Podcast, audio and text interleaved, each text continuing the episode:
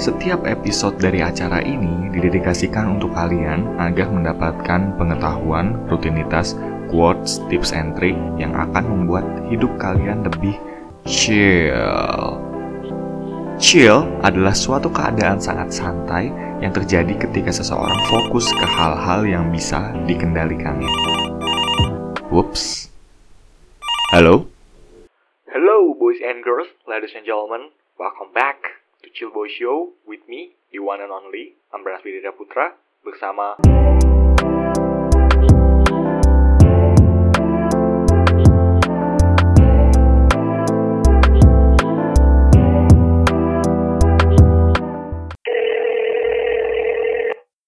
Hello, boys and girls, ladies and gentlemen. Welcome back to Chill Boy Show with me, the one and only, Ambranas Widira Putra, bersama Mbak Fatmawati Tri Tuhing Tias. Am I saying right? Yes. Okay. At disingkat at Fatma Watrit. Yeah, that's really great singkatan. Oke. Okay. Anyway, Yeah. uh, dia ini beliau respect. beliau adalah XLFL Lodi. Dia adalah madre. Madre itu bahasa Spanyol ya? Mader maksudnya ya atau gimana sih, Mbak? Iya, more into like the mom atau Ah. ibunya lah. Oke, oke. Dia juga Madre of Buka Suara. Dia adalah Mawapres uh, UNS tahun 2017 atau 18? 17. 17, oke, 17. Dia Ya. juga alumni dari U Young Leadership for Indonesia Mackenzie. That's really great. And once again, dia adalah Nutri uh, peserta dari NutriFood Leadership Award. Dan well, that's really great introduction, I think. Dan ini adalah menurut aku harap ya kita bisa ngedigest mindsetnya Mbak Fatma atau biasanya dipanggil Mbak Ama. Halo Mbak Ama, welcome to the show. Thank you so much for your time to do this podcast with me.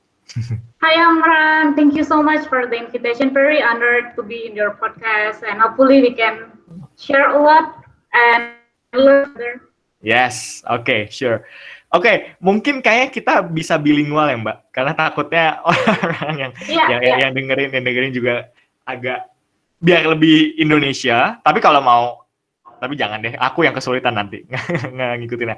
Oke guys, short introduction aja. Jadi kenapa aku ngundang Mbak Ama ini? Karena aku pengen ngebahas tentang inspirasi, inspiration, dan menurutku Mbak Ama ini adalah sosok yang tepat karena terlepas dari uh, berbagai macam yang tadi aku sebutkan achievement-nya, uh, karena aku juga fun fact mungkin kalau yang orang tahu aku kembar punya punya kembaran namanya Amri dan dia ketika aku tanya Mbak Ama tuh siapa gitu kan terus dia bilang oh she's the one who inspired me gitu. So yes okay because uh, kembaran kan sama gitu ya gennya ya. Jadi kayak oke kayak dia juga bakal menginspirasi gua. Let's try it let's invite her. Nah dan that's why Mbak Ama is here oke Mbak so for the first uh, question aku sebenarnya penasaran sih karena kan ya kalau aku nge-reach Mbak Ama kan melalui Instagram ya aku DM dan ya aku Ya. ngebaca bio Mbak ya kan Mbak itu di situ nulisnya tentang uh, impulsive, young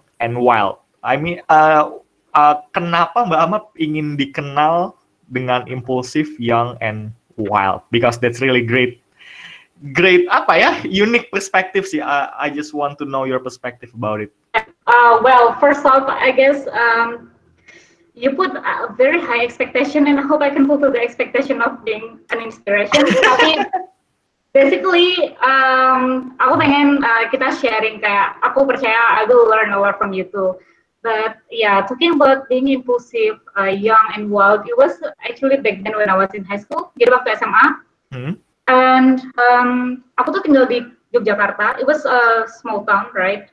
Hmm. Uh, but the the culture is very rich and aku tuh tinggal sama orang tua keluarga yang Jawa banget gitu dan biasanya nih kalau orang Jawa itu hidupnya lurus gitu kan kayak jadi orang tuh menerima nasib gitu kan kamu tuh nggak Monggo, ya. boleh uh, iya nggak boleh komplain kalau ada masalah tuh harus sabar and so gitu tapi sejak dulu aku tuh merasa I'm not the kind of person yang bisa kayak gitu. Aku adalah tipe orang yang kalau aku di sini dan aku nggak suka ya I will move out from here gitu. Atau saat aku punya masalah dan I really uh, don't like the problem gitu then I will solve it even though it will bleed me out of death kayak lebih banget tapi ya yeah, basically like that gitu. Um, and so um, they really intrigue apa ya they really push me uh, to be someone yang pengen explore lebih jauh lagi gitu. Hmm. so um, So I want to try something new. I want to experience everything in life that I can experience gitu. Karena menurut aku tinggal di satu kota for the rest of my life is not going to be enough for me.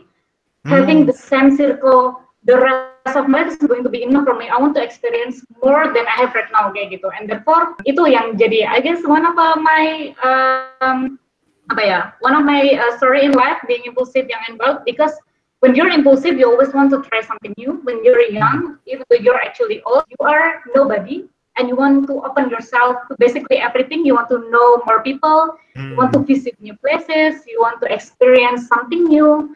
And uh, being wild is basically, you know, being heedless of the things. Sometimes, sometimes yourself is holding you, holding uh, your own experience big gitu kan. Yeah jadi aku nggak mau itu jadi orang kayak aduh maju nggak ya? Eh ya udahlah you know just being well just being fearless and just do it. Kayak gitu sih. So hmm. yeah. So I guess that's the reasoning. It sounds so childish I know that but you know when you yeah. want to experience so much in life you just gotta have to do it right?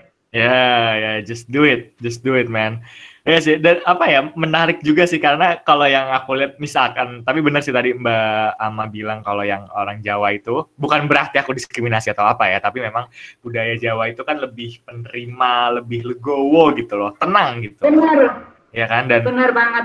Dan yang makanya aku pas baca bio Mbak Ama impulsif, young and wild terus kayak hmm, what kind of wild is this? Gitu. Karena kayak this is clickbait banget loh itu kalau aku baca. Tapi emang menarik juga sih kalau tadi perspektif Mbak Ama bilang ya ini basically yang bisa aku simpulkan adalah Mbak Ama pengen mencoba explore seluas mungkin ya. Nggak cuma yeah. mau di satu kota gitu loh.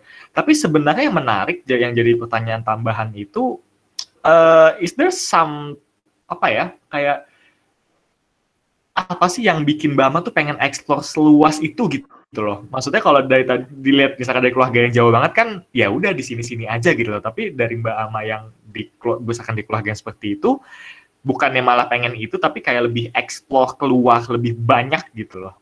Wah ini aku jadi Freud dulu nih. Unconscious buka dulu nih.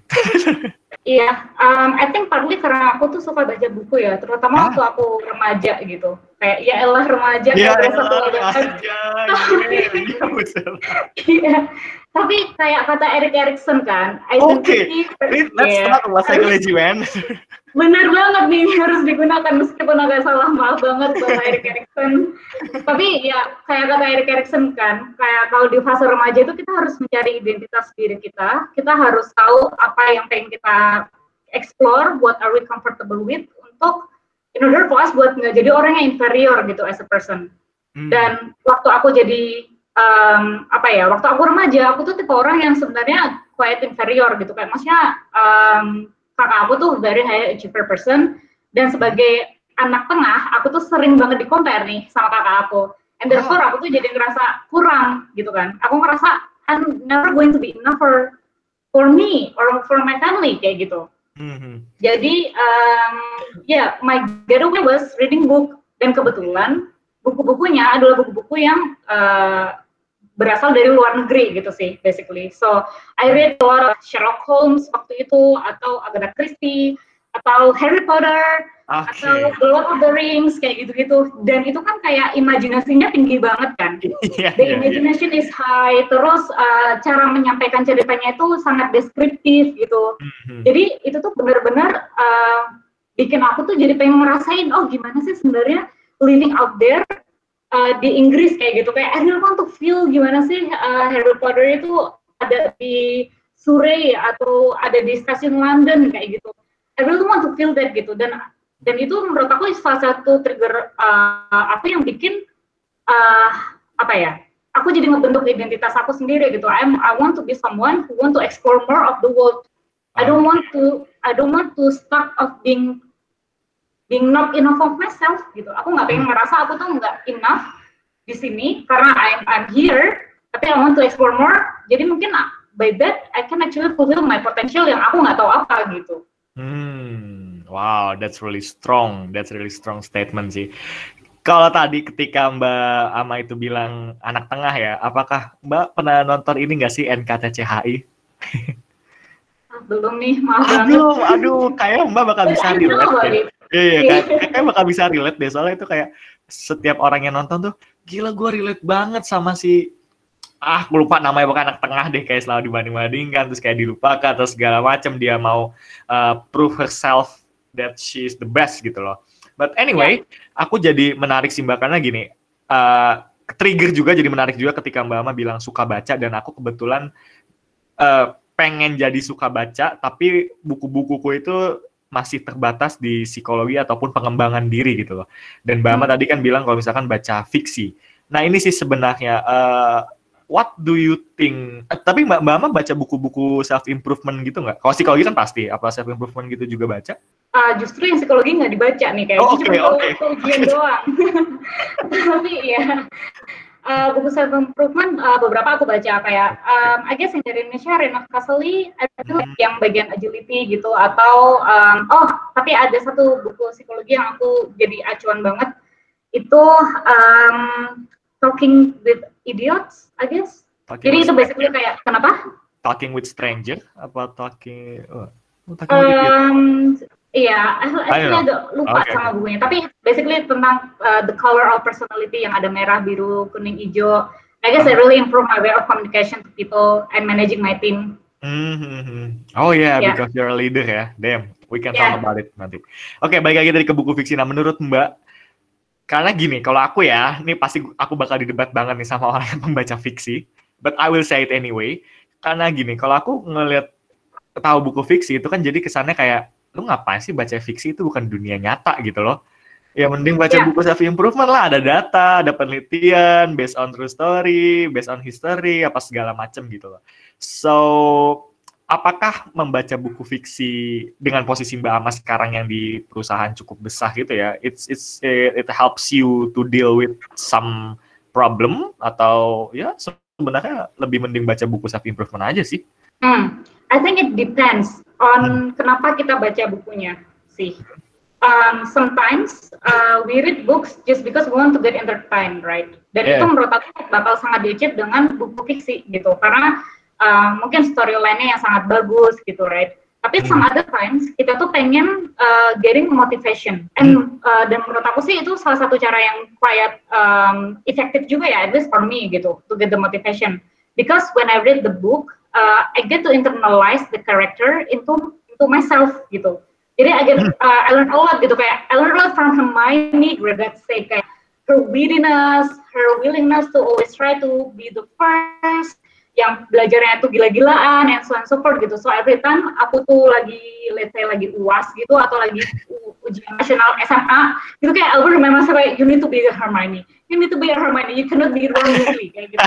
So, So yeah, it actually helps. It depends on how you read it and how you internalize it on yourself gitu. Oh, oke, I see. So it's for you to read some fiction itu buat internalize ins your apa to inspire you juga ya, to internalize itu ya. Iya, jadi kayak apa ya? Kalau biasanya kita kan punya um, uh, animal energy gitu, right? Oh, And this is like my Harry Potter character energy. What kind of person I want to be gitu. Kayak if I need to be, if I need to be a brave person, then kayak aku bakal jadi kayak ah, you need to be a Weasley, you know, gitu. Ya, that's what I did.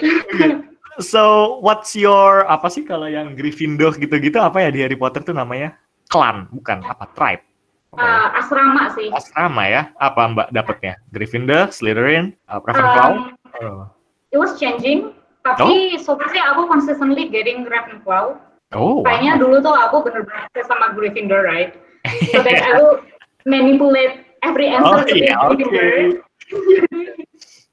yeah but then now I'm a Ravenclaw person Ya, padahal mbak psikologi loh tidak boleh me, apa ya membohongi persoalan menjawab soal seperti itu ya.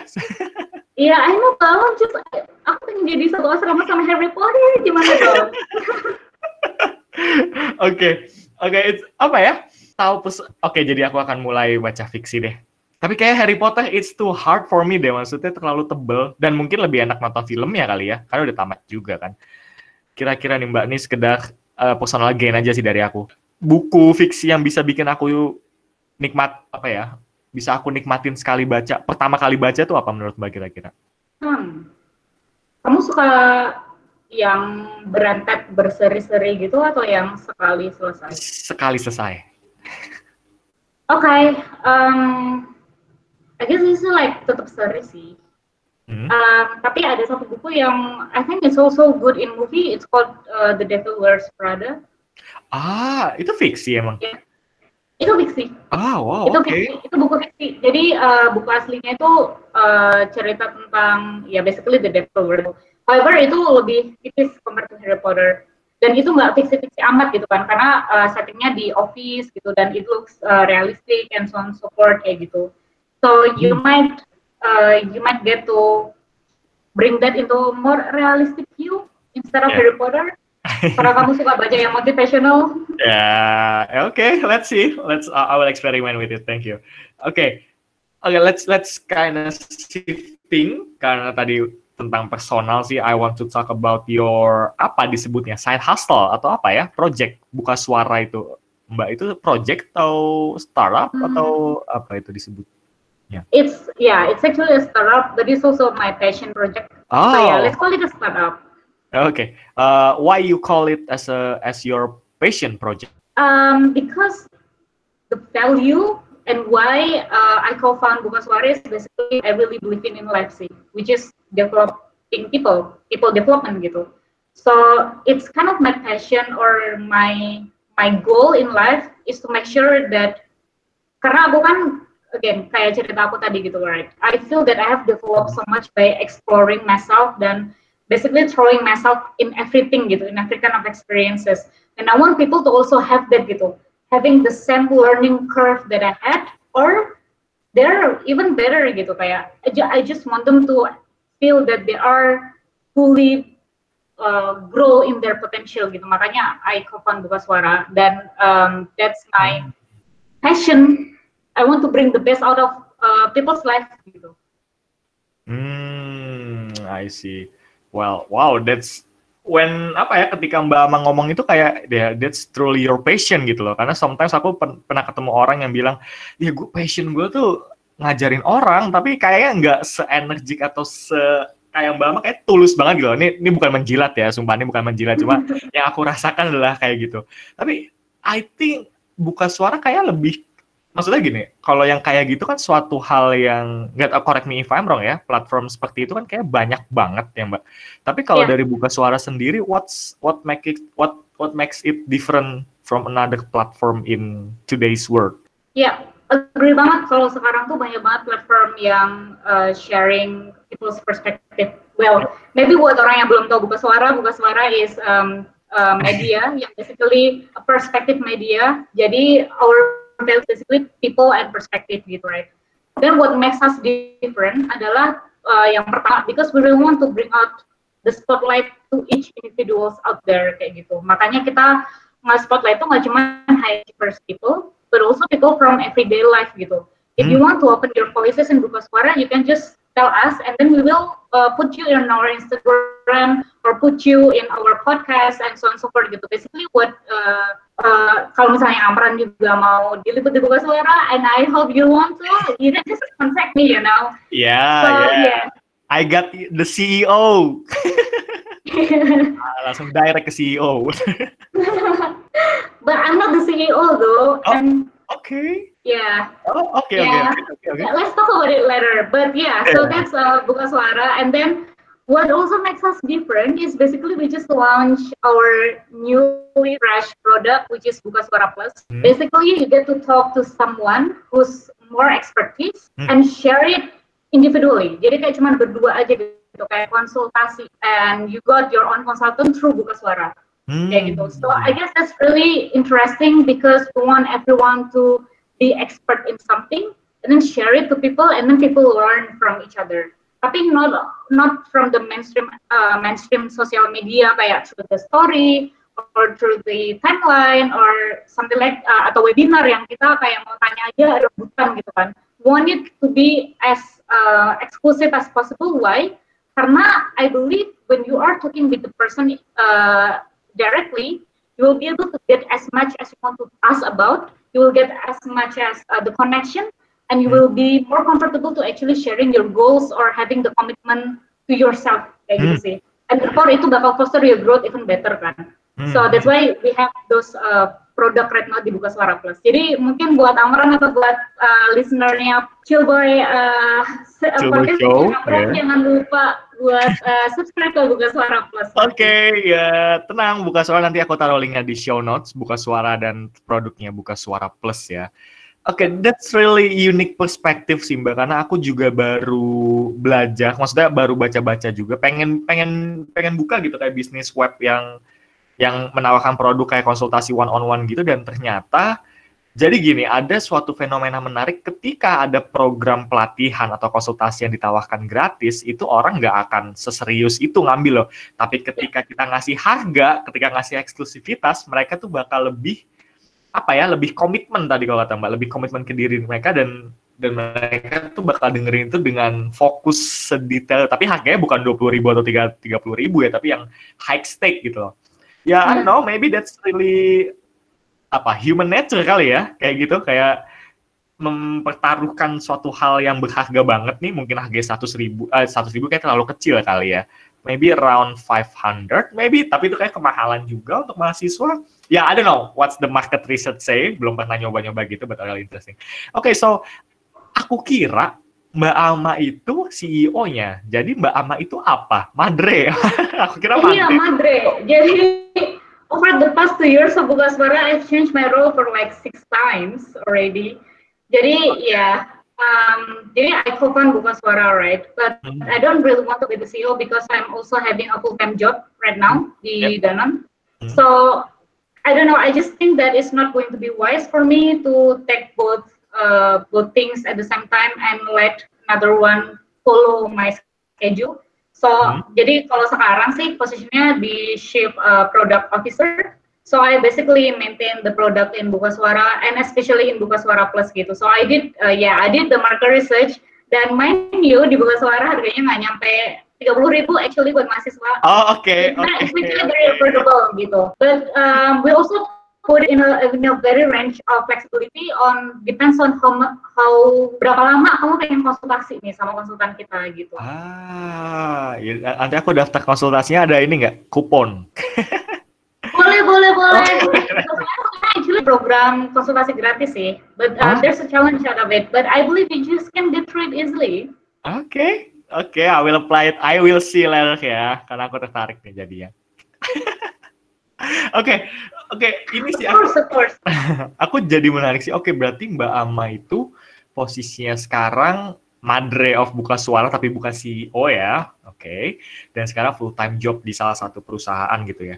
So, oke, I, I I still want to talk about Buka Suara sih, karena gini, yang tadi yang masalah platform itu kan, Ya. Uh, how is the jar the journey gitu loh karena kebanyakan kita bahkan teman-temanku tuh pasti bakal mikir, oh ya journey kita buat platform aja di Instagram kita buat tentang uh, psikoedukasi nanti kan nanti bakal ada revenue-nya dari IG live segala macem tapi itu cuma bertahan I don't know one month two month maybe so I think uh, can you give us some apa ya some some insight bukan some insight sih sebuah rangkuman perjuangan apa perjalanan buka suara tuh ups and down-nya gimana?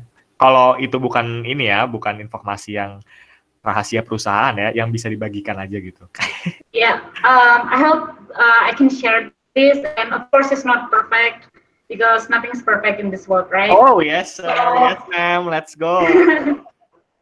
so yeah, uh, actually, Buka I was started in um, almost three years ago, I guess. So yeah, it was like um, October 2017, I guess, or oh sorry, October 18. Oh my God, I'm old.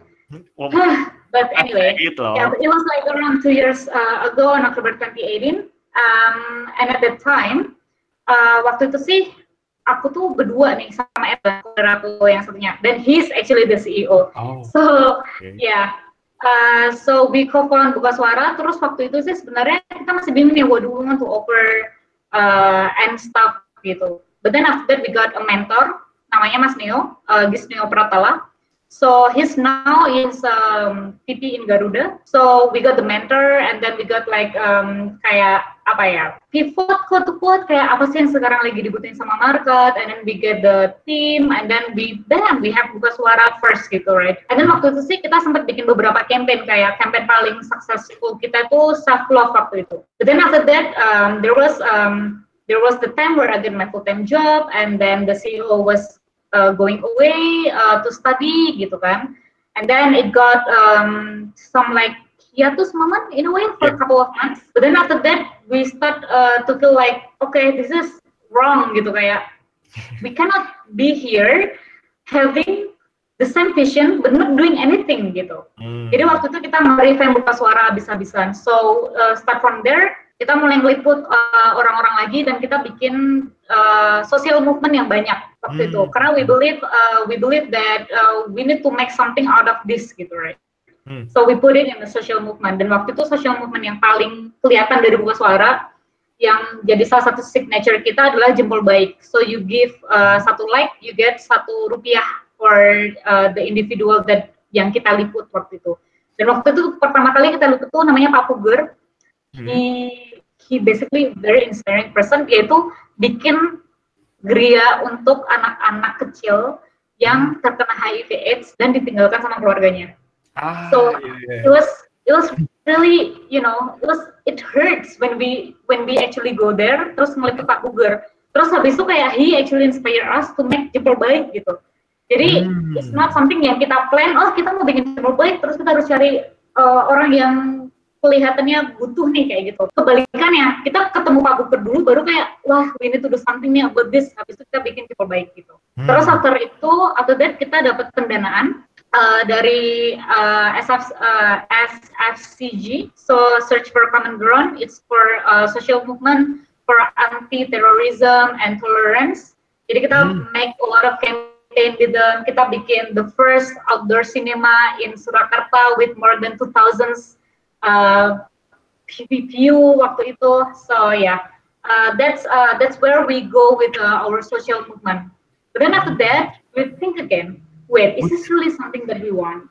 Is this is is this really the is this really something that why we make buka suara at the first place gitu kayak because it's nice to actually help people out there it's nice to educate people but we think that there's something that there is missing hmm. which is the development part And therefore kita sekarang launching Buka Suara Plus because we want to get through on people development even more intensively. Tapi at the same time kita juga go with our social through Buka Suara Media gitu. So our Buka hmm. Suara Media stands as the media that caters every single needs out there dan every single voices is going to be listened by us. Tapi we also want to develop people with Buka Suara Plus gitu. So oh, yeah, okay. that's the journey. I I hope it doesn't bore you guys. No, that's really interesting. Uh, yang yang yang bosan dengernya, yo just just apa cukup pencet pause udah langsung close aja langsung kalian ngabisin waktu di media sosial lain gak usah lanjutin karena ini kayak akan banyak insight yang bisa kalian dapat anyway jadi tertarik tadi campaign yang pertama kali berhasil itu yang tentang self love mbak ya yeah. ya yeah. oke okay, so I ini menarik juga sih karena kemarin aku juga sempat sharing sama temen-temenku dan ngomongin kebetulan aku jadi yang presentasi gitu yang buat PPT segala macam ngomongin kan. Terus aku bilang wow. judulnya judulnya ya nggak ini cuma presentasi di rapat kecil aja gitu loh. Jadi apa judulnya itu trigger warning judulnya tuh when self love didn't work gitu loh. Karena sometimes aku ngeliat self love kok going too far in our in this era gitu loh. Tapi kalau dari ya, yang yang menarik nih karena self love campaign pas itu cukup sukses apa yang dibawa di self love yang sukses itu gitu loh, Mbak? Aku jadi pengen tahu perspektifnya di campaign itu. I guess it was more itu. Jadi waktu itu exactly bulan Oktober juga ya, atau September? Oh, hari mental health berarti. Ya. Yeah, ya, yeah, besok yeah. ya. Shout out yeah, mental right. health. So take care of your mental health, guys. But yeah, oh, self love itu basically what we say. Our message is to love who you are for who you are. You know, more into like self acceptance because sometimes we think that we're not enough for ourselves or for our boyfriend, for our family, for our organization, for our society. We just never think that we're enough you know. And then sometimes you just have to hit pause and then say to yourself that you are enough, you are okay.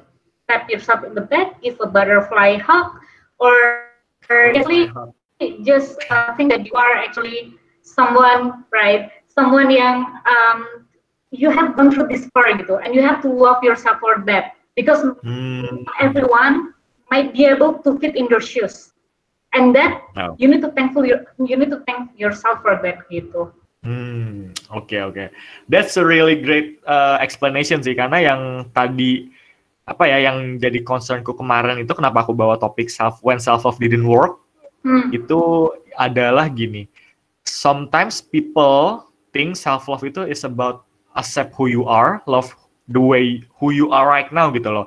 Oke udah sekedar itu aja nah, tapi sebenarnya ada yang salah. Jangan apalagi untuk pemuda kayak kita sekarang ya. Oke, it's okay, it's okay to know yourself, to love yourself, to know your weakness, strength, anything about it. It's okay, I'm fine. I'm I'm 100% with that.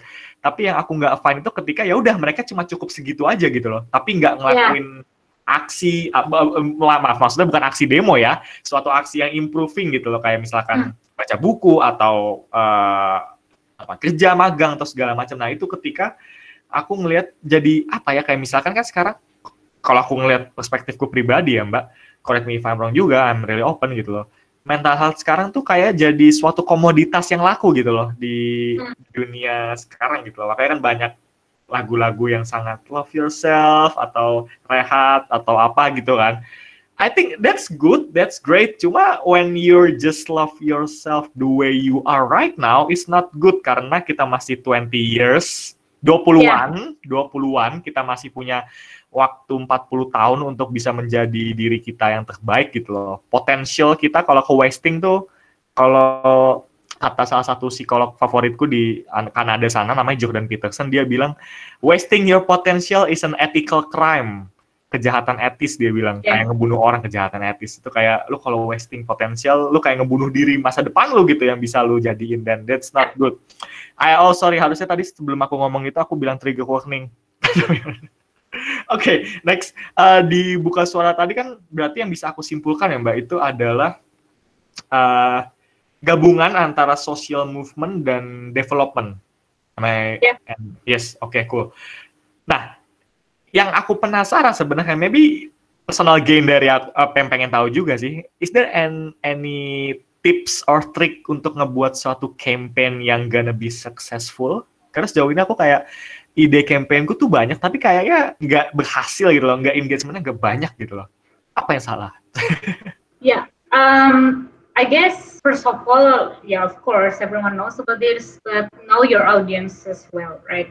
I guess one of the things kenapa self love kita itu waktu itu oke banget atau jemur baik kita itu oke banget itu basically karena uh, well, let's take a look at the self love, right? Mungkin Pak tadi aku agree banget nih sama Amran kalau misalnya loving yourself just for who you are without even trying to care or how you can grow even more itu salah gitu, right? Uh, tapi waktu itu kenapa kita launching this kind of self love is basically karena we see a lot of people are beating the, themselves up gitu. Yap, Kayak yap, yap. buka suara itu buka suara itu um, ada beberapa orang yang going on multiple organizations terus they're basically beating themselves up because they don't think they're enough for the organization or someone yang um, merasa udah punya banyak achievement tapi nggak nggak ngerasa enough for the world gitu aja sih Hmm. so that's why that's why it was uh, effective gitu so knowing the audiences is going to be make uh, the campaign successful But then on top of that, I think um, if it's a campaign, there's a story kayaknya dari uh, Lean Startup, I guess, the book. Oh, Jadi nanti sebelum publish aja. Ya, Rice, ya. oke. jadi kalau uh, dari situ kan kalau misalnya we want to make something viral, we need to get uh, the the parameter of what is a viral movement gitu kan. Hmm. So I I guess that's that's very true gitu. What do you mean by a success, successful uh, campaign? That you need to define that first as well gitu. Apakah punya reach seribu atau punya engagement yang tinggi atau you don't need engagement, kamu cuma butuh reach kayak gitu right? So um, I guess that can be your parameter of what is successful in making your own campaign. Terus all, ya if your parameter is being uh, able to engage as many people as possible, you need to have your own quote-unquote brand ambassador So you need to have like uh, internal internal campaigner that you put in several spot uh, yang bisa nge-cater in every single market layer. Yang yang Hmm. possible uh, yang possible dengan uh, goal kamu di awal tadi. So for example, if you are targeting someone yang ngerasa beating themselves up, itu bisa di every single layer. It can be ibu rumah tangga yang ng- nggak ngerasa enough gitu karena kerjanya cuma stay di rumah. It can be mahasiswa yang tingkat akhir skripsi nggak lulus-lulus. It can be uh, high achiever person yang udah achieve a lot tapi nggak ngerasa enough for the work. Atau it can be someone yang uh, struggle karena mereka barusan ditolak di banyak organisasi kayak gitu kan. Hmm. You need to have each uh, in this specific market uh, segmentation or mar- market layer. You need to have um, ya itu tadi sih uh, the campaigner of that market gitu yang bisa uh, showing the message to them gitu. And then it resonates throughout the the single layer market. Habis itu kan itu bakal ke masuk lagi ke market lain masuk lagi ke orang lain and then it will be viral kayak gitu sih. So I guess if that's the parameter that you want then it's going to be like that gitu. However kalau parameternya adalah engagement it's going to be different. Karena maybe for engagement you will need to really take care of your market. Kayak harus Ah. banyak banget nih timbal baliknya kan kayak kalau pengen jadi viral yang uh, yang reach-nya itu banyak, you don't have to do anything. Kamu cuma butuh uh, untuk nge-reach orang itu posting kamu. Tapi kalau kamu butuh engagement, kamu harus nurture the market. And there is another thing then uh, yang butuh uh, beberapa step lagi gitu kan. Kayak Hmm. nurturing the market, you need to know mereka itu approach-nya itu gimana sih. Ibu rumah tangga, cara approach-nya beda banget of course sama mahasiswa, right?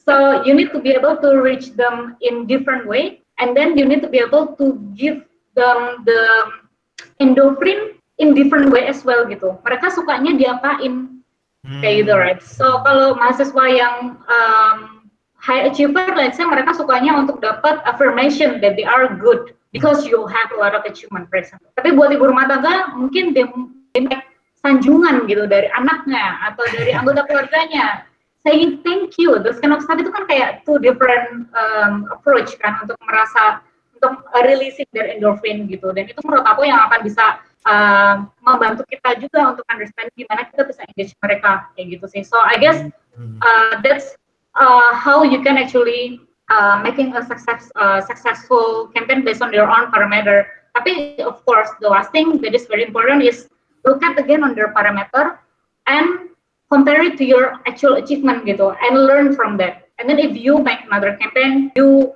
you do the you know basically improved version of the of the map I hope that helps Hmm, ya, it's really helps me a lot sih. Kalimat terakhir sih yang yang aku jadi gitu klik yang tadi apa eh, compare your your apa tadi your pencapaian campaign dengan actual achievement gitu loh. Itu jadi inget aku yang ini mungkin yang dengerin juga sering sering dengar ini peraturan yang dari Jordan Peterson yang selalu aku bilang but I will say it anyway again karena worth it to worth it to repeat dan mungkin Mbak Ama nggak tahu ya. Jadi dari buku Jordan Peterson itu bukunya bagus banget 12 Rules for Life I really high recommended mungkin Mbak Ama kalau luang bisa baca bukunya ada salah satu rules Ya. yang paling aku suka di buku itu satu chapter satu rules itu dia bilang compare yourself with who you were yesterday not with Yeah. someone else's today damn that's Yeah. like yeah that's that's right that's right gitu loh dan yang Yeah. jadi define your parameter terus kayak mau tujuannya apa itu kayak bahkan diterapin ke diri kita bukan cuma campaign tapi diterapin diri kita itu juga it's gonna be work sih I guess who knows yeah Who knows? Yeah, like there's also a saying you need to wake up better with a better version of yourself than yesterday, right? So that's basically comparing yourself to your on daily basis. Yes, yes, yes. Daily basis, daily improvement. Let's go. Oke, agak menarik tadi pas yang Mbak bilang, eh ah, hope I don't remember, but eh, define your enough gitu loh. So, ya kan, ketika orang yang gak ada yang high achiever tapi nggak bisa define enough some people gitu loh. Dan kalau aku ngelihat nih, kalau Mbak Ama ini kan juga high achiever. Yang pasti high achiever dari aku, lebih lah achiever daripada aku. So, how can you define your enough? What's kind of the process is that? I'm I'm really curious about people who achieve some a lot of things tapi Hmm. enough-nya mereka tuh gimana gitu loh.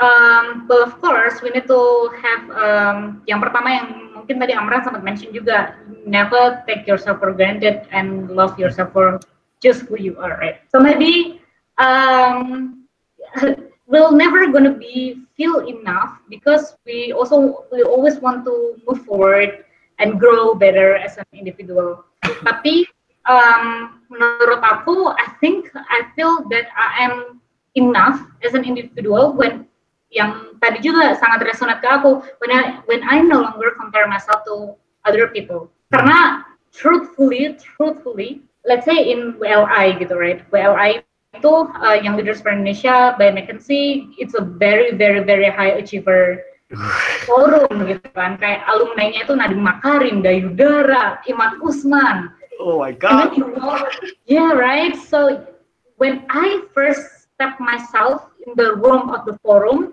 I feel super insecure Hmm. because I, I'm still comparing myself to my peers yang ada di WLI. Padahal teron saat aku graduated, I don't feel that way anymore. I just feel that oh, so he's Nadiem Makarim, but I'm Ama. I'm also unique as a person, you know. Hmm. I don't have to be to be Nadiem Makarim to be able to feel that this to be able to feel that I'm succeed in my life. They learn a lot, and I think that's also a, suc- uh, a success factor for me. you Gitu. So I guess that's one of the parameter when I feel that I'm enough as a person is that I no longer compare myself with other people in the room because I only look at me and how much I grow. And then I guess that leads to the second parameter of how I feel enough is that if I feel like I learned something, if I feel like I have developed throughout the time, then that should be enough for me. Hmm. Because what I really want in life adalah balik lagi ke yang pertama, I want to explore everything in the world and grow as a person. So if I fulfill that, I think it's going to be enough for me in any kind of way. So yeah, so I guess that's the things that that really help to get through being in the rooms with a lot of high achiever individuals.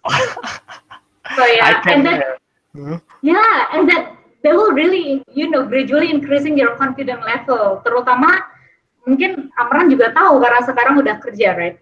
When you feel that you are confident of yourself because you have developed enough and you don't compare yourself with other people, you will shine eventually, even at work. Karena kita nggak bakal ngerasa takut nih, misalnya ngomong sama CEO-nya Kuiper, eh, tempatnya Amran kerja sekarang, atau ngomong sama senior manajernya di Danone, VP-nya Danone, itu nggak bakal ngerasa inferior kayak, aduh kayaknya aku tuh nggak pantas buat ngomong di sini gitu. Hmm.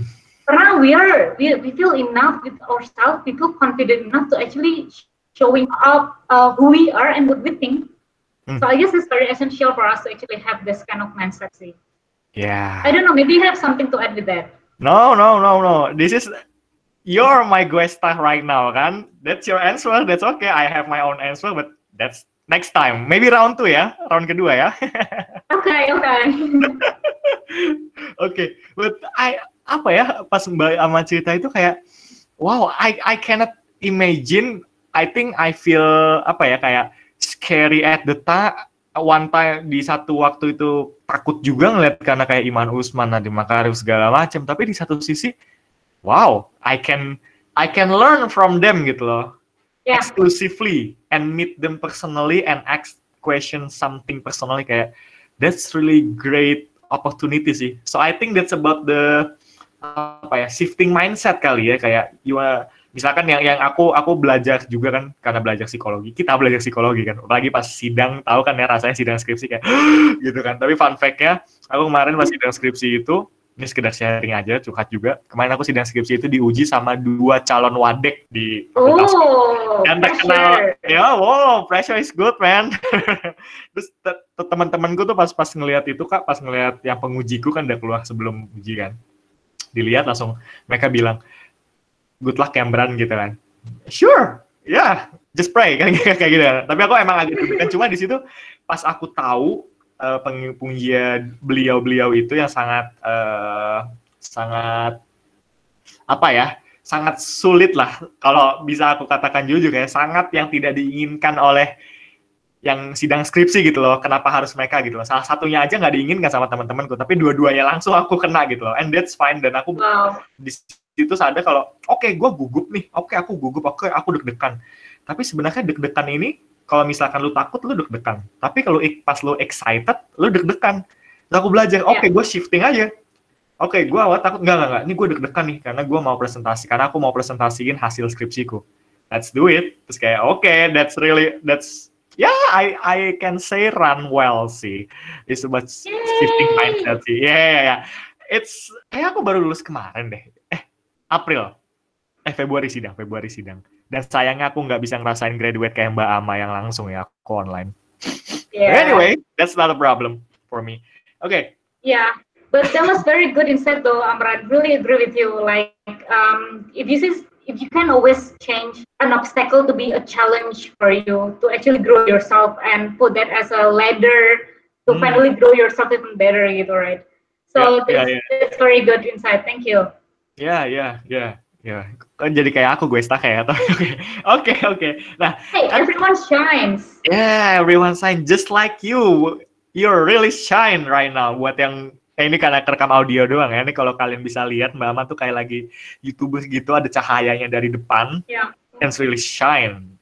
She's really shine guys. She's really. Yeah, ini lampu belajar guys. lampu kerja karena sekarang udah nggak belajar ya. Iya benar-benar.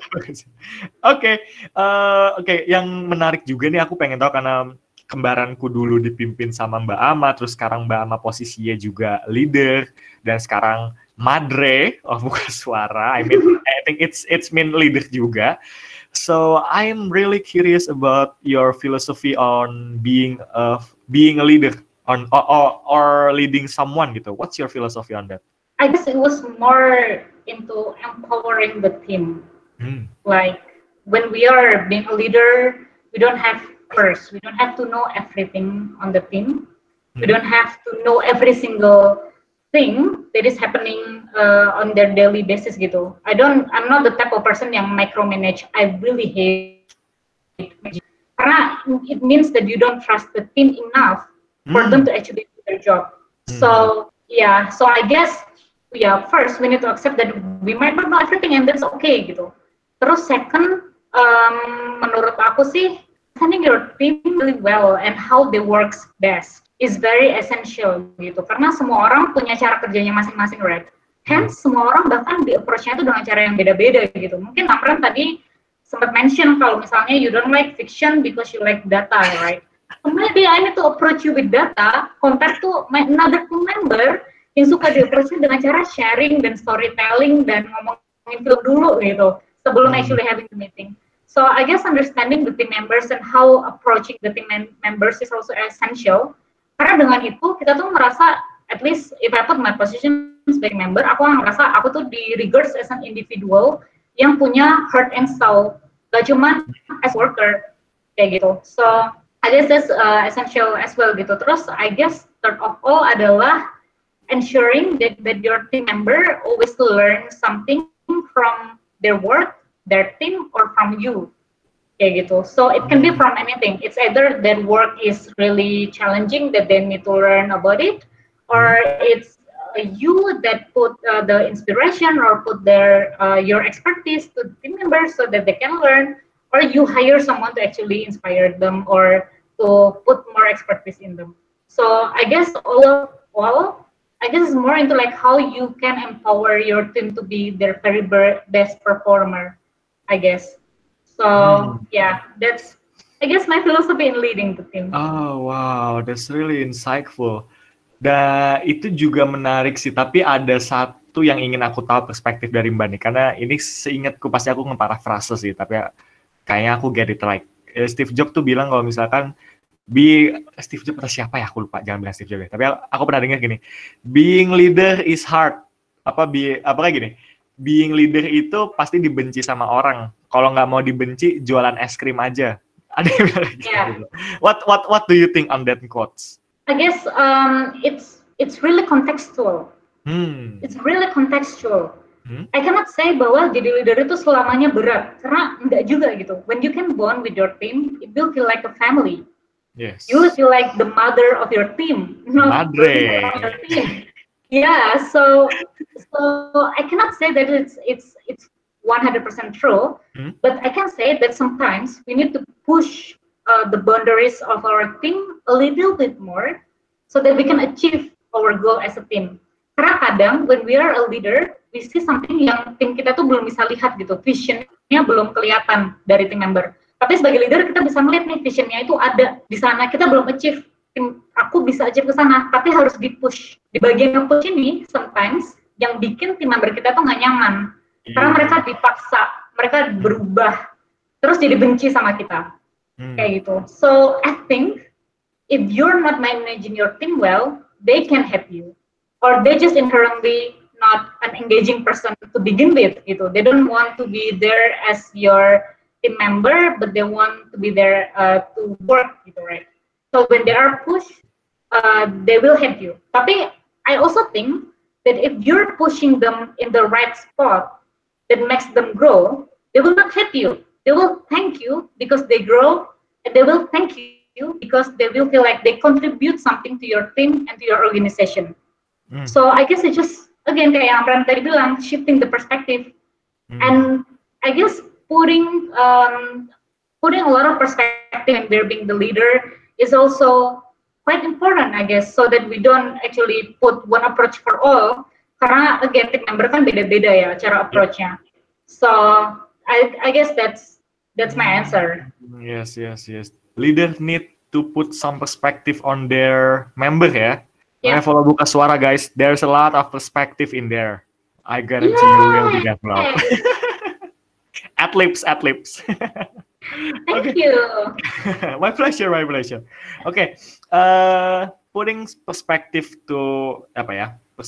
hmm, finding inspiration or something like that. Nah, kalau dari Mbak Ama sendiri nih, eh, what is your best way or best place maybe to find some inspiration? I guess it's very cliche. Again, karena aku kan suka berimajinasi, so I get a lot of Oh, okay.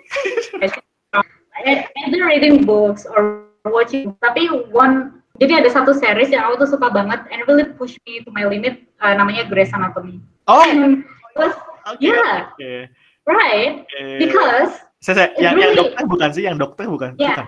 Yes, oke. yeah, yang surgeon. Yes, oke. So it really it, it tells a lot about hard work and dedication and putting your passion in that and you uh, and at some point your work is your life. So uh, that really motivates me to be someone yang really um, putting my passion into action Hmm. and work really hard to actually achieve what I want to achieve. Karena it's it's it really makes me motivated when the when the surgeon kayak maksudnya kalau jadi surgeon jadi intern um, mereka kan nggak tidur and this kind of stuff gitu right and then it really push me if they want to be a surgeon and they don't sleep maybe I should do that too but it's a bad example but you you get the point right it's Mm. the determination that matters Mm. and that's what I get a lot from uh, the series um, about the anatomy gitu Oke, Grey's Anatomy ya. That's so- ya Eh, dari dulu orang rekomendasi ini Yeah, tuh makanya aku pas baca ke eh pas baca pas lihat covernya gitu kan. Ah, another doctor really? No gitu. Ya, well, um, mungkin karena ini ya, mungkin karena aku kan dulu di psikologi di UNS, fun fact ada di Fakultas Kedokteran. Oh so I ya. have a lot of doctor friends. So it kinda like, bawa- mereka bawa sobota, belajar biologi molekuler, terus habis itu kita kan ada biopsikologi yang harus Yes. belajar saraf otak Otak. dan saraf tubuh and those kind of stuff gitu. Terus kayak watching Grey's Anatomy is like, oh my god, this is the life of my friends.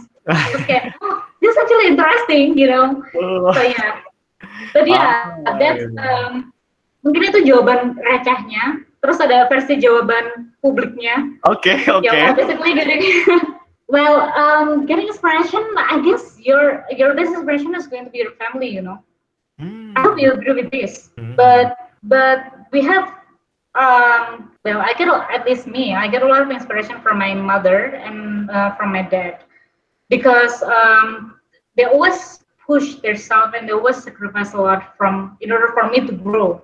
Basically like that, right? So if I don't grow, I feel like apa ya dosa aja gitu kayak they, they have done so much.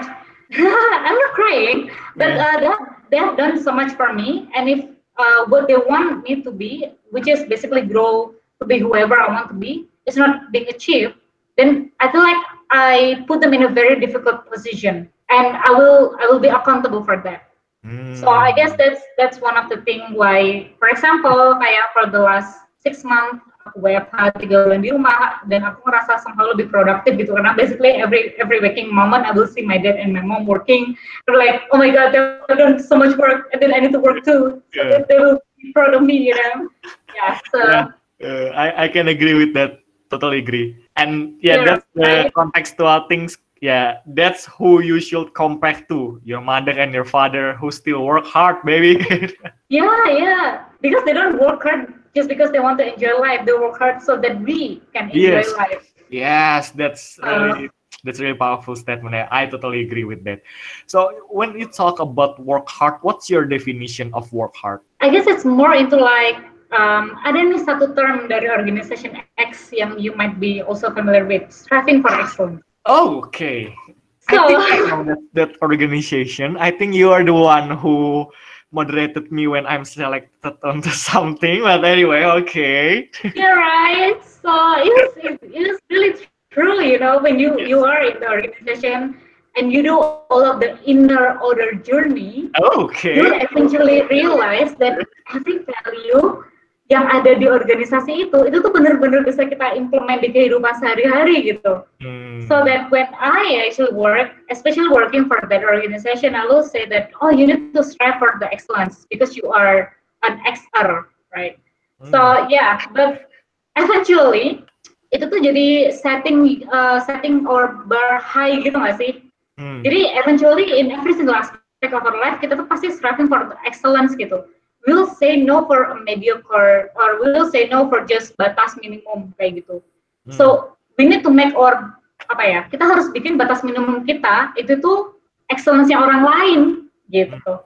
Hmm. So I guess that's that's my definition of hard work. So if you don't feel that you are satisfied with the result that is it that it is the utter excellence that you can do, then you need to do more. Gitu Hmm. sih. It's a bit perfectionist, but throughout the time I also learned that um, there's a lot of circumstances coming out with that terms gitu sih Hmm. and it it, it it it also includes that you cannot expect another people to achieve what you can achieve at the same rate because they might have different qualifications than you are so i guess um, hard work that terms can be achieved if we are putting that self in ourselves so setting the bar the bar high for ourselves but don't expect someone to achieve the same thing with us without our support. Hmm. Karena yang ada orang itu malah ngerasa ke oppress atau ke pressure dan malah jadinya nggak nggak motivated to actually do the excellence itself sih.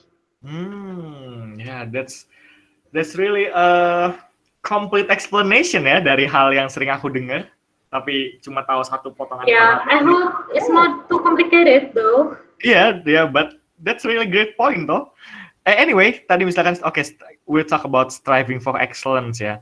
Nah ini sometimes because karena kita udah ada di posisi dunia kerja ya, we can totally agree that we are dealing with target. Yes, as you know, target. Yeah. Uh, quarterly, monthly, maybe I don't know in your uh, company. Uh, this is when I really curious about some leaders gitu loh. Uh, how can I say it ya? W- We say that we're striving for excellence, but does it mean the excellence is about the target or it's about the effort of your team member? Hmm. So this is in the context of uh, being in a leadership position. Hmm. Yeah. So I excellence means both actually, uh, the quality and also the quantity. Hmm. Tapi uh, pasti sebagai leader kita punya salah satu yang akan lebih di focusing more gitu. Most of the leaders are focusing on the result eventually. Karena itu yang bakal ngedrive business, right? Yeah. If you're a leader, then your business strategy and your business achievement is going to be everything gitu.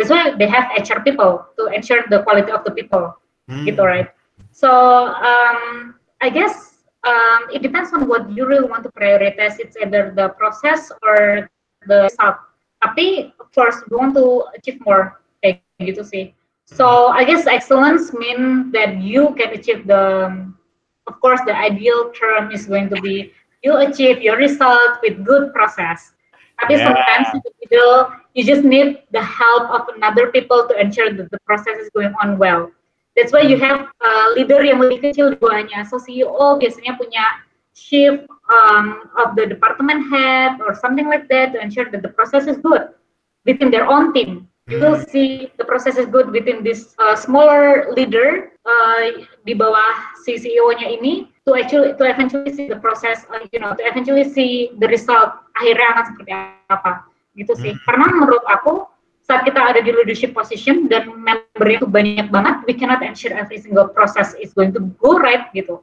We need spokesperson for that. Therefore, we need to create more leaders for that. Hmm, iya sih. Benar juga sih karena itu yang aku sempet penasaran dan juga sempat hadapi gitu kan. Karena mungkin target itu diciptakan kan dengan filosofi dasarnya yes apa gini eh hasil tidak akan mengkhianati proses kan filosofi dasarnya. Ya, Oke kalau prosesnya bagus harusnya achieve dong. Tapi kalau misalkan nggak achieve berarti ada yang salah nih di proses nih. Nah cuma sometimes aku dilemanya di situ mbak kalau boleh curhat ya kayak sebenarnya prosesnya udah bener, prosesnya udah bener. Cuma ada suatu hal yang memang nggak bisa kita kendalikan gitu loh. Wah ini stoik banget ya hal bisa dikendalikan tidak bisa dikendalikan. Nah itu jadi sometimes there's I think misalkan mungkin nanti aku jadi leader sebuah tim atau apa pun itu, there is a big role when apa ya wisdom of the leader tuh important di situ sih. Nah itu kadang-kadang aku juga Hmm. mikir, "Oh, tapi kalau kayak gitu kan prosesnya benar, tapi nanti pas ditanggung jawabin di ketua-ketua company di atas sana kan ya kita sebagai leader harus bisa tanggung jawab dong. Dan that's a really I I still need to think deeply about that gitu loh. yeah, yeah. I think that also my ongoing uh, thinking sih on Hmm. how we can, um, you know, achieve the result with the good process gitu. Karena eventually the process is always going to be evolve.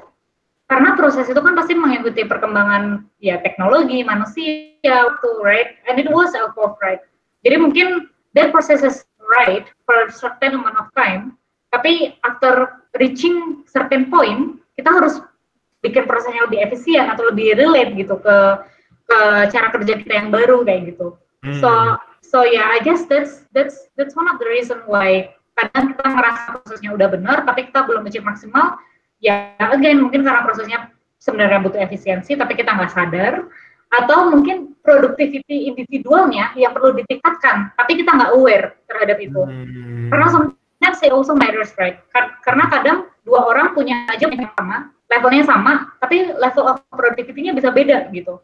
And I think that's that's um, the internal process that is going on with them yang perlu dibetulin. Tapi apakah apakah itu ranah kita sebagai leader yang um, apa ya? Let's say the CEO, I don't think so. I think itu ranahnya dari the small leader yang harus ensuring the thing can happen Hmm. kayak gitu dan itu again bisa di achieve dengan many things menurut aku one thing that we can ensure as well adalah make things to be in our reach jadi kan ada kayak level of influence right ada things that we can control Oh things iya. that we can influence things that we cannot control and then we we just gonna have to see which process yang sebenarnya kita bisa control and influence kayak level of individual productivity bisa kita influence tapi nggak bisa kita kontrol Yep. So at some point we just gonna have to stick with it.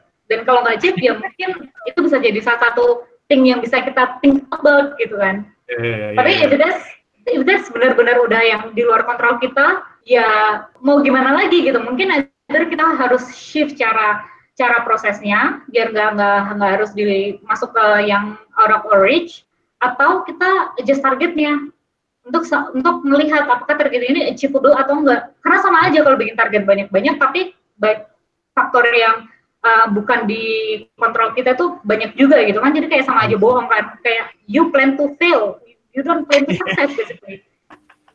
Yeah, changing the matrix ya, the indikator Iya. ya diubah ya. Ya, ya, I didn't talk about that. Oh, that's yeah, yeah, yeah, yeah, okay. Wow, that's really Yeah, think open open my mind ya.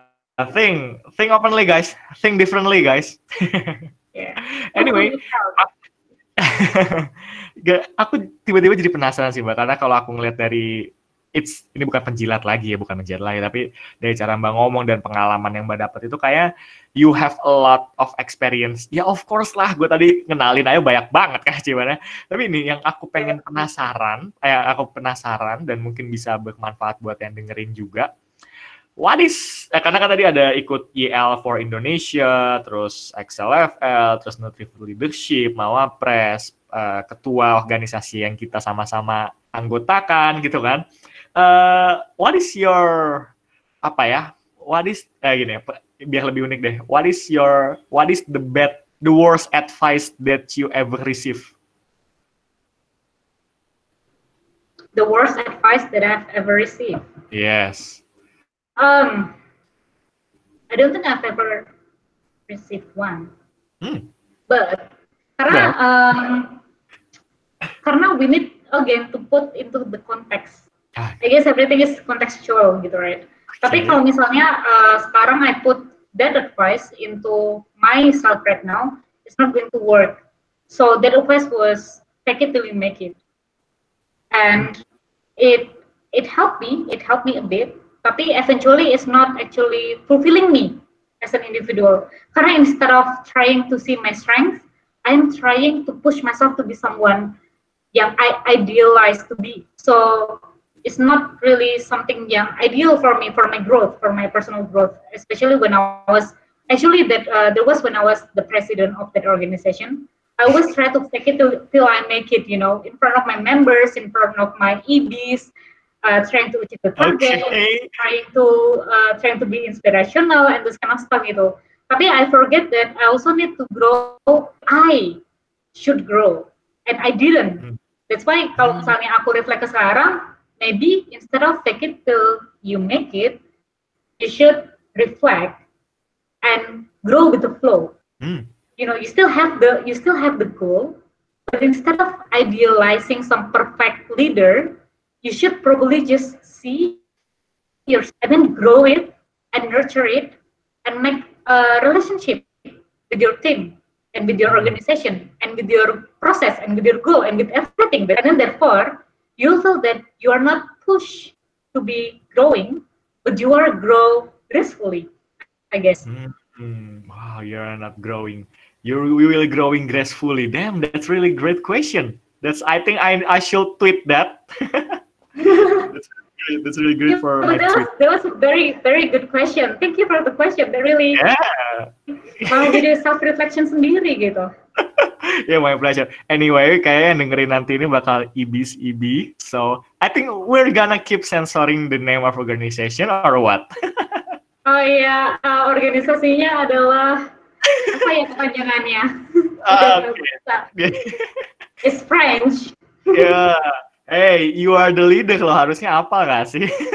Ya, kayak cuman uh, internationally this apa gitu. Oke, oke.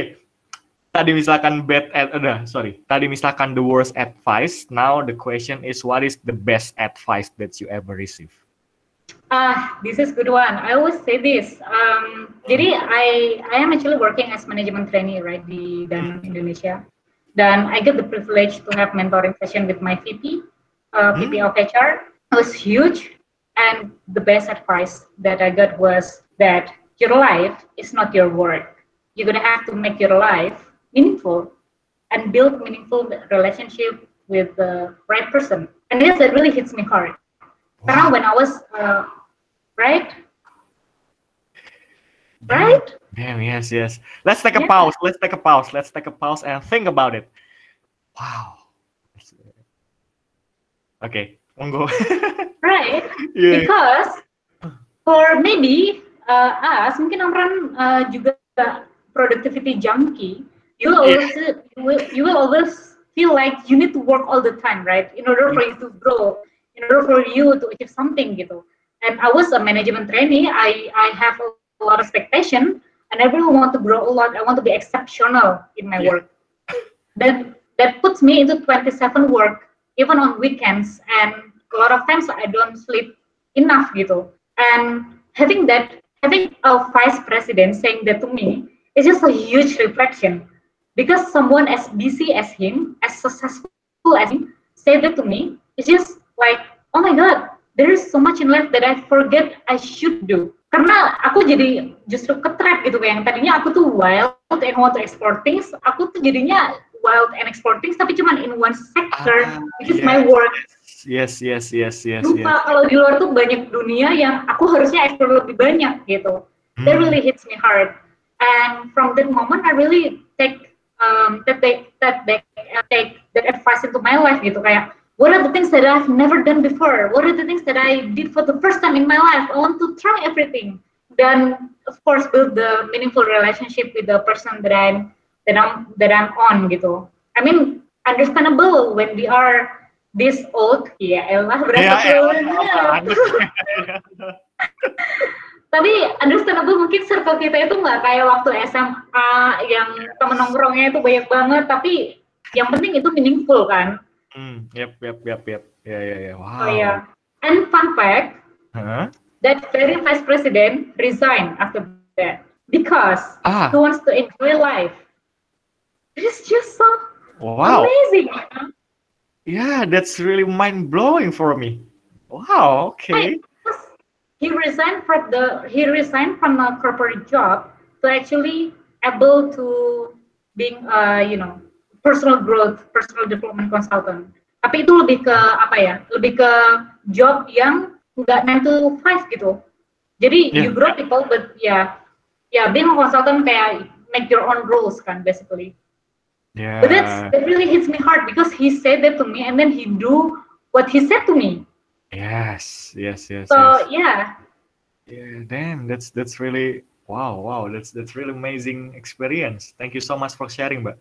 Yeah. thank you, wow. thank you, thank you for building the platform to share.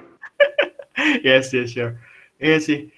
Iya sih, aku aku jadi keinget juga sih. Ya tadi yang hits me hard juga yang tadi quotes-nya dari VP Mbak sama yang pas Mbak bilang tadi. Gue dulu mau explore padahal, tapi sekarang gue explore-nya di satu tempat doang. Itu kan bukan explore, it's trap ya kan kayak wow. yeah, I think I need to think about the, the my definition of success karena kan yang aku tadi bilang di awal itu kan kayak your job Mbak Fatma yang punya kerjaan sekarang itu loh it's my dream job gitu loh. So no I think kayak hmm okay I need to reflect I need to reflect. It doesn't mean that's a bad job no but I think I need to reflect on my definition of success kan tadi Mbak Ama juga bilang ya I think Mbak Ama bisa relate juga sih. We are a productivity junkie yang it's about hustle it's about work. Yeah. it's about goals is about what to do ya kan? Dan ya think that's that's really hit me hard juga sih buat buat yang dengerin buat productivity junkie. Terutama Amri lu juga pasti bakal kena hard banget. Gue harap lu ditampak tampak tampak kayak dengerin ini. Anyways udah ngomong kayak gitu ini sih tadi karena tadi Mbak Ama sempat menyebut 9 to 5 work or something like that 24/7 itu aku penasaran sih Mbak karena Mbak kan dari dulu emang eh, I I can say that you are a person who can take a lot of pressure and stay stable. So I'm really curious, is there some daily habit that you do to stay stable in Hmm, life? hmm, yeah, I guess it's more into like mungkin kalau sekarang tekniknya adalah pomodoro, I guess. So you have Ah, uh, small wins every day. So yeah, yeah, I've, I've I've done that a lot a lot of times when I didn't know I didn't even know what is pomodoro means. But um, it was very very apa ya? Mungkin kayak kayak mungkin if you listen to this kayak ah apa sih mas sih kayak gitu. But um, when I have uh, when I have a task like I have to do something, and then I will put myself into a reward and small wins basically. You will feel win, but I also get reward for myself. Anything. A lot of time, it was watching Netflix for a couple of minutes. So Yes. or, Yes, watching movie, you know. Kayak waktu aku apa ya, waktu aku ngerjain tugas gitu biasanya kayak oke, I will do this for 30 minutes. Kalau ini bisa keluar dalam 30 menit, aku bakal boleh nonton season apa sih satu episode Game of Thrones kayak gitu. And then Uh, kayak satu episode Game of Thrones nggak 30 menit deh, lebih nggak sih? yeah, I mean, you I have to do the job in 30 minutes, you know. Tapi Okay, if yes, I if I didn't pass 30 minutes, misalnya 35 menit gitu, then I will not watch Game of Thrones. I will just Okay. have another job, you know. So it will motivate me to actually have um, a job yang bisa dilakukan dalam certain amount of time that I can control, then I know that I can achieve. And eventually itu yang aku rasa sih nge-boost my productivity ya. Jadi mungkin job yang uh, yang aku biasanya do in 40 minutes, tapi aku push into like 30 minutes, and then I can actually do that. I will feel proud of myself, but also get Game of Thrones. So I'm happy about it. So yeah, so I guess, but yeah, it can be anything uh, for you guys. But I guess having small wins uh, really, really, really makes you feel that you achieve something in the day, and don't apa ya dan nggak serta merta ngerasa we don't achieve anything gitu. Karena if you only think on the big task it might not be achieved yet but you have the small wins and it will make you feel good and feel motivated into actually finishing the task. So you will feel even more motivated um, to you know finally accomplish the big things that I have to do gitu sih Hmm, small wins ya, Pomodoro teknik ya. BTW Iya. Mbak, biasanya satu Pomodoro satu Pomodoro berapa lama? 30 tadi 30 40? I think it really depends on the job sih Iya. Jadi ya, so if it's like a lot of complexity, I usually put that into like um, kayak misalnya kerjaan kantor gitu ya. Ya. I have to make like a business strategy plan gitu kayak, oh this will take me six hours gitu. Oh my Terus habis itu, ya because like karena I mean there's a lot of Okay. things. kayak Oke business oke, I don't. I don't want to trigger to stress. Oke oke oke. Let's let's skip that question ya. Yeah, so yeah, probably like itu like okay, oh so research part, so interview part segini, oh strategy part segini, oh uh, reasoning part segini, kayak oh berarti sejam sejam sejam kayak gitu. So it can it's very different again based on the Ah. task. Oke oke. Can, can can I give you some folks or some resorts yang mungkin juga orang-orang dengar misalkan tahu Pomodoro teknik. Ya. Jadi gini Mbak ada coba aja ya eksperimen because I love self experiment. So I think you gonna love it. Jadi kalau bisa Mbak coba set Pomodoro teknik tuh 50 menit deh. Jadi sejam nih. 50 menit Oh iya, itu, iya. ya kan 50 menit karena kayak ada penelitiannya deh cuma nanti aku taruh linknya di show notes itu jadi 50 menit fokus terus nanti 10 menit tuh break tapi breaknya itu bukan yang kayak eh apa ya bukan yang kayak eh buka media sosial apa gitu enggak tapi breaknya kayak bergerak eh, just ya pokoknya stay aktif lah keep aktif gitu. Dan Hmm. itu juga reflect juga sih selama 50 menit. Tadi bener nggak ya? Gue ngerjainnya pas nggak ya? Sesuai yang gue inginin. Kira-kira jadi ada progres nggak? Kalau nggak jadi kayak evaluasi gitu.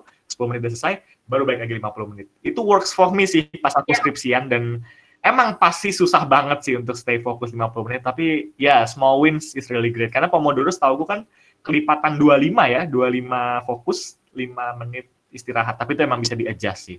Oke that's Pomodoro. Is there some another habit? Apa cuma cukup Pomodoro teknik? Um, I guess there's not much sih. Karena basically ya daily habit orang biasa aja. Iya, iya. kayak sleep uh, and then wake up. And then maybe like um, you know having some motivational things that I did. It can be anything. You can read books, or you can call the person that you love, or you know, hey um, yeah, or even like watch watch a YouTube about uh, morning routines and this kind of stuff. yeah yeah, yeah, I guess yeah, I guess there's nothing really special with my habit. that- I'm just I'm not judging. I'm just asking.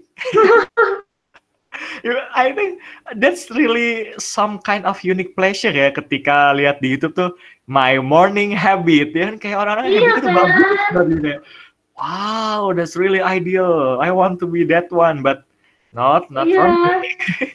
Kayak, oh my god, people can exercise in the morning. Like, wow, what a luxury. yeah yeah, yeah.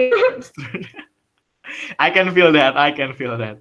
Oke, dari daily habit, nah ini yang aku juga penasaran sih. Ini adalah pertanyaan yang selalu aku tanyakan ke bintang tamuku sih. Kira-kira Mbak, setiap hari tuh dapat berapa sih rata-rata jam tidur? Um, it's also contextual. Ah. Right now, I'm actually pretty healthy karena I get like um, rata-rata berapa ya? 6 jam, Hmm. 6 jam tidur, which is which is a lot, which is I I really like it. Ah, But um, there was time when I when my daily habit of sleeping adalah 2 sampai 3 jam sehari. It was when I was uh, empty actually. And then and then and then my VP said that to me like your your work is not your life. And I'm like shit. I cannot just sleep to, until three hours. It's not my life. iya. Yeah, I try to change it eventually. Asik sih ya, oke that's really great. Great sih, karena itu sih yang aku penasaran, karena there is some things yang men- menggangguku banget sih. I don't know, maybe karena Indonesia masih negara berkembang atau gimana, karena yang riset yang aku baca itu minimal 7 jam, 7 sampai 9 jam di usia kita gitu loh. Ya itu juga suatu hal yang menarik juga sih kalau diteliti ya. Kenapa? Tapi kalau di Indonesia kok kayak misalkan mahasiswa nih, ya kan mahasiswa kok erat kaitannya dengan sleep are for the weak period, ya kan? Kayak, oh, Yeah, yeah. Ya kan? Terus kalau lu kalau ya kan? Terus kayak ah, come on man. Tapi I, I I try my best to get seven sih. Karena kan ya aku inget sih perkataannya baru baca juga sih perkataannya Jeff Bezos tuh CEO Ama- Amazon dia bilang ya when you get eh, ketika kamu mendapat eh, jam tidur yang sedikit kamu bakal achieve a lot of things. Tapi kualitasnya nggak akan sama. Dia bilang kayak gitu. Terus kayak wow yeah I need to think about that it's about quality ya oke but that's a really debate debate that I really want to have ada nggak ya Yeah. kira-kira scientist scientist scientist yang di Indonesia yang bahas sleep kayak menarik kalau diundang ya that's my next project deh oke jam tidur udah kan undang some psychologist loh. Uh, I will try. I will try. I will try. I will try. Let's see ya. Let's see. Daily habit udah jam Yeah, tiga. it'll be fun. Oh, Ya. I know, I know. Apa apa? From um, apa sih sleep meditation or relief, I guess. Yeah, well, it's it's psychologist. But Oh. I guess that's also that's also work. Karena kan ada app-nya, right? Kayak Yep for yep. quality sleep and this kind of stuff. I guess I guess uh, I guess that is something that that uh, you you can share gitu. Karena I'm also working towards my quality of sleep as well. Kayak Oh, deep iya. sleepnya itu berapa berapa jam deep sleepnya, terus yang Uh-huh. kebangun-bangun atau enggak, this kind of stuff gitu sih. So Oh, yeah. Uh, how how it's work? I mean kayak ditaruh di samping Mbak Ama gitu, HP-nya ngukurnya gimana? Oh. Um, it actually pakai itu sih yang jam Ah, smart, smart, smart. ya smartwatch. Ya. Oh, wow, that's really amazing. Oke. Hmm, jadi kamu bisa lihat nih 7 jam itu sebenarnya quality-nya itu yang Iya. benar-benar deep sleep itu berapa jam sih? Apakah karena cuma tiga jam gitu ya, me yang tidur 6 jam tapi deep sleepnya 5 jam ya better 6 jam aja sekalian gitu right? Siap, siap Saya- Bang Jago, siap Bang Jago. Ampun, ampun. Ya. Oke, daily habit jam tidur udah. Kalau dari Mbak Ama sendiri, is there some uh, books, recommendation books? Karena aku juga butuh bacaan. Ya mungkin orang-orang dengerin juga worth to read atau favorite books maybe yang bisa kita baca. Ya, um, of course, the Almighty Harry Potter. Oke. That's my Bible. um, oh iya, I remember yang tadi aku omongin bukunya itu judulnya Surrounded by Idiot. Surrounded by Idiot. Oke. Yeah, that's really good karena it, it helps me a lot in understanding people and their way of communication and their perspective. Jadi dulu aku tuh orangnya itu yang kayak apa ya, I was kind of like someone who push a lot, you know. I can Kayak agree. under- sorry. I can agree with that with that statement. Yeah, right. So sometimes kalau kita ketemu orang yang nggak ngerti gitu ya, kita tuh lagi ngomong apa itu kayak, ah lo tuh gimana sih? Masa gitu aja nggak ngerti kayak gitu? Right? And then um, and then we just live gitu right. Padahal sometimes uh, cara approach-nya aja yang beda gitu. Jadi kalau di buku itu tuh dikasih tahu nih orang itu punya communication way itu empat um, empat ya, merah, hijau, kuning sama biru. Hmm. So if you're a red person, you will want things to go quickly. You don't like to hear a lot of explanation. Maybe that was you. Karena kalau misalnya ada orang yang punya bertele-tele, I was like, "Ah, just get to the point, man. Kayak gitu, right? So, yeah, there's that kind of person. Tapi ada juga nih orang yang kalau ngomong tuh sukanya bertele-tele, which is yellow. Ah. Biasanya kalau ngomong tuh banyak ceritanya. Prolognya banyak, uh, tadinya banyak, baru get to the point Hmm. gitu. Terus merah ketemu yellow itu suka emosi gitu. Tapi kalau kita understand, oh dia itu orangnya yellow, ya udah kita try aja, try aja to listen gitu. Even though we're not really that interested kayak gitu. Hmm. Oke. Kayak yang biru, jadi orang biru itu suka data. Jadi if we tell them something without data, ya dia dia akan akan listen tapi nggak akan deng, dia akan dia akan but he will not listen. Hmm. Jadi masuk ke ping kanan keluar ping kiri gitu karena there's no proof of that. Ah, iya, iya. Tapi ada juga orang yang gitu yang basically accommodating. So that's that's very good uh, insight that I that I try to implement in daily basis. And I tell this to my team in buka suara over and over and over again. Hmm. Kalau misalnya ngomong sama orang, ya mungkin cara komunikasinya aja beda. Especially karena kita managing a lot of people kan, kayak di interview, ada konsultan, ada klien. Jadi we need to be as understandable as possible kayak gitu. Hmm, ya, oke, that's gonna be fun to read. Oke, buku udah, movie, film, favorite or recommended for us to watch? Yeah, of course, the Almighty Harry Potter. Ah, Sorry, I'm Okay, super free. Ya, oke. Oke, nah tapi kalau- kalau ini pasti jawabannya nggak bisa Harry Potter sih. Netflix, is there some favorite Netflix? Um, Netflix, I guess ya, yang tadi udah aku sebutin sih basically Harry Potter, Grey's Anatomy, Game of Thrones, terus mungkin The Devil Wears Prada is also good. Hmm. If you're if you're pursuing like a corporate job or a job in a big company or you like fashion, atau mungkin sekarang yang lagi masuk kayak mirip-mirip Emily in Paris, Apa sorry? right? Um, Emily in Paris. Jadi itu kayak new, ya it's it's new, it's just launched last week. Tapi Oh. The Devil Wears Prada itu mirip sama si Emily in Paris ini sih. So I Oh. really like those because it it motivates you to be someone badass. basically. Badass, ya, kick ass badass. Oke, last one. Drama Korea, is there some your favorite? Hah, kayaknya tidak berkualitas nih drama Korea favorit. so, um, aku tuh suka banget sama aktor, dua aktor actually, right? Uh, um, Lee Min Ho sama Kim Soo Hyun. So all of their all of their drama lah basically. ah, Tapi what I really like adalah mungkin you know this, it's okay not to be okay. It's it's very good yeah, like some, drama. yeah, yeah, yeah, yeah. Some people really recommended karena it's about psychology, tapi aku belum sempet sih, belum sempet nonton. Karena Yeah. I feel hard to to going deep into Korean drama. I know it's good, but for me it's take a long time maybe. Yeah, yeah, yeah, yeah. But it's it's it's good. It's okay not to be good. Or um, Sky Castle. That's also good. What? Night Castle? Uh, Sky Castle. Oh, Sky, Sky Castle. Sky Yeah. Castle. Okay. So yeah, it's about like um yeah you will see lah if you if you see uh Netflix spoil it. Sorry. Yeah. Okay. Okay. that's fine, that's fine. Oke, so anyway, misalkan tadi buat para pendengar baru, mungkin yang tadi kenapa sih kalau misalkan aku bilang eh, nanti linknya aku taruh show notes atau segala macem. Jadi fun fact, misalkan kalian buka podcastku di Anchor atau mungkin Spotify, kayak di Spotify nggak bisa diklik deh. Anyway, kalau di Anchor itu, misalkan nanti ada di deskripsinya akan ada tulisan show notes.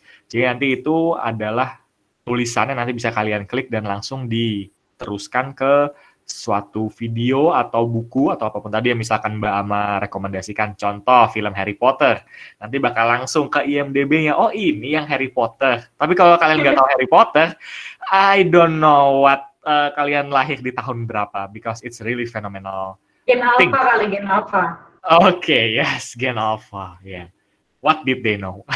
I'm sorry, no joke, no offense. Okay, this, okay, Mbak. Uh, this really fun. This really fun a conversation, and I think uh, it's really I don't know. Maybe I'm looking forward to round two. Maybe who knows in the future. So with this, karena kita udah beberapa apa? Mbak Ama sudah menjawab beberapa pertanyaan juga dan ada satu pertanyaan terakhir, pertanyaan penutup yang biasanya aku sebut dengan billboard question atau pertanyaan billboard. Jadi aku nggak tahu nih kalau di UNS apakah ada papan iklan di depan UNS atau gimana, tapi papan iklan gede gitu, yang billboard kayak gitu. Nah di situ Mbak Ama itu punya space, punya kesempatan untuk naruh sesuatu di situ. What will you put Hmm. in that billboard? Um, cherish your life. What is it? Cherish your life. Cherish your life. Why? Yeah. Um, because when you cherish your life, you will find it joyful. You will find it ex apa ya? Uh, exciting. You will find it um, challenging at the same time. Karena if you're not cherishing your life, you will just be a robot. You will just wake up and do things you don't like, please people you don't like, go home to the place you don't like, and sleep. Oh, And I guess cherishing your life is just, you know, have a meaning in everything you do. Whether it's work, you're gonna find it meaningful. Building meaningful relationship, building, uh, building um, meaningful personal growth for yourself because you are cherishing your life. Because your life is full of adventure, full of love, full of excitement, and full of challenges. And of course, full of apa ya? Full of self fulfillment, you know. yeah. Damn. That's really great closing statement loh. Oke. anyway, that's really good closing question. Eh, sorry. Jadi tulisan cherish your life atau ada foto Mbak Ama atau cukup tulisan itu aja? So yeah, I guess just cherish your life aja lah. Oke, oke. Aku takut banyak orang jatuh cinta sama aku. Males banget gak?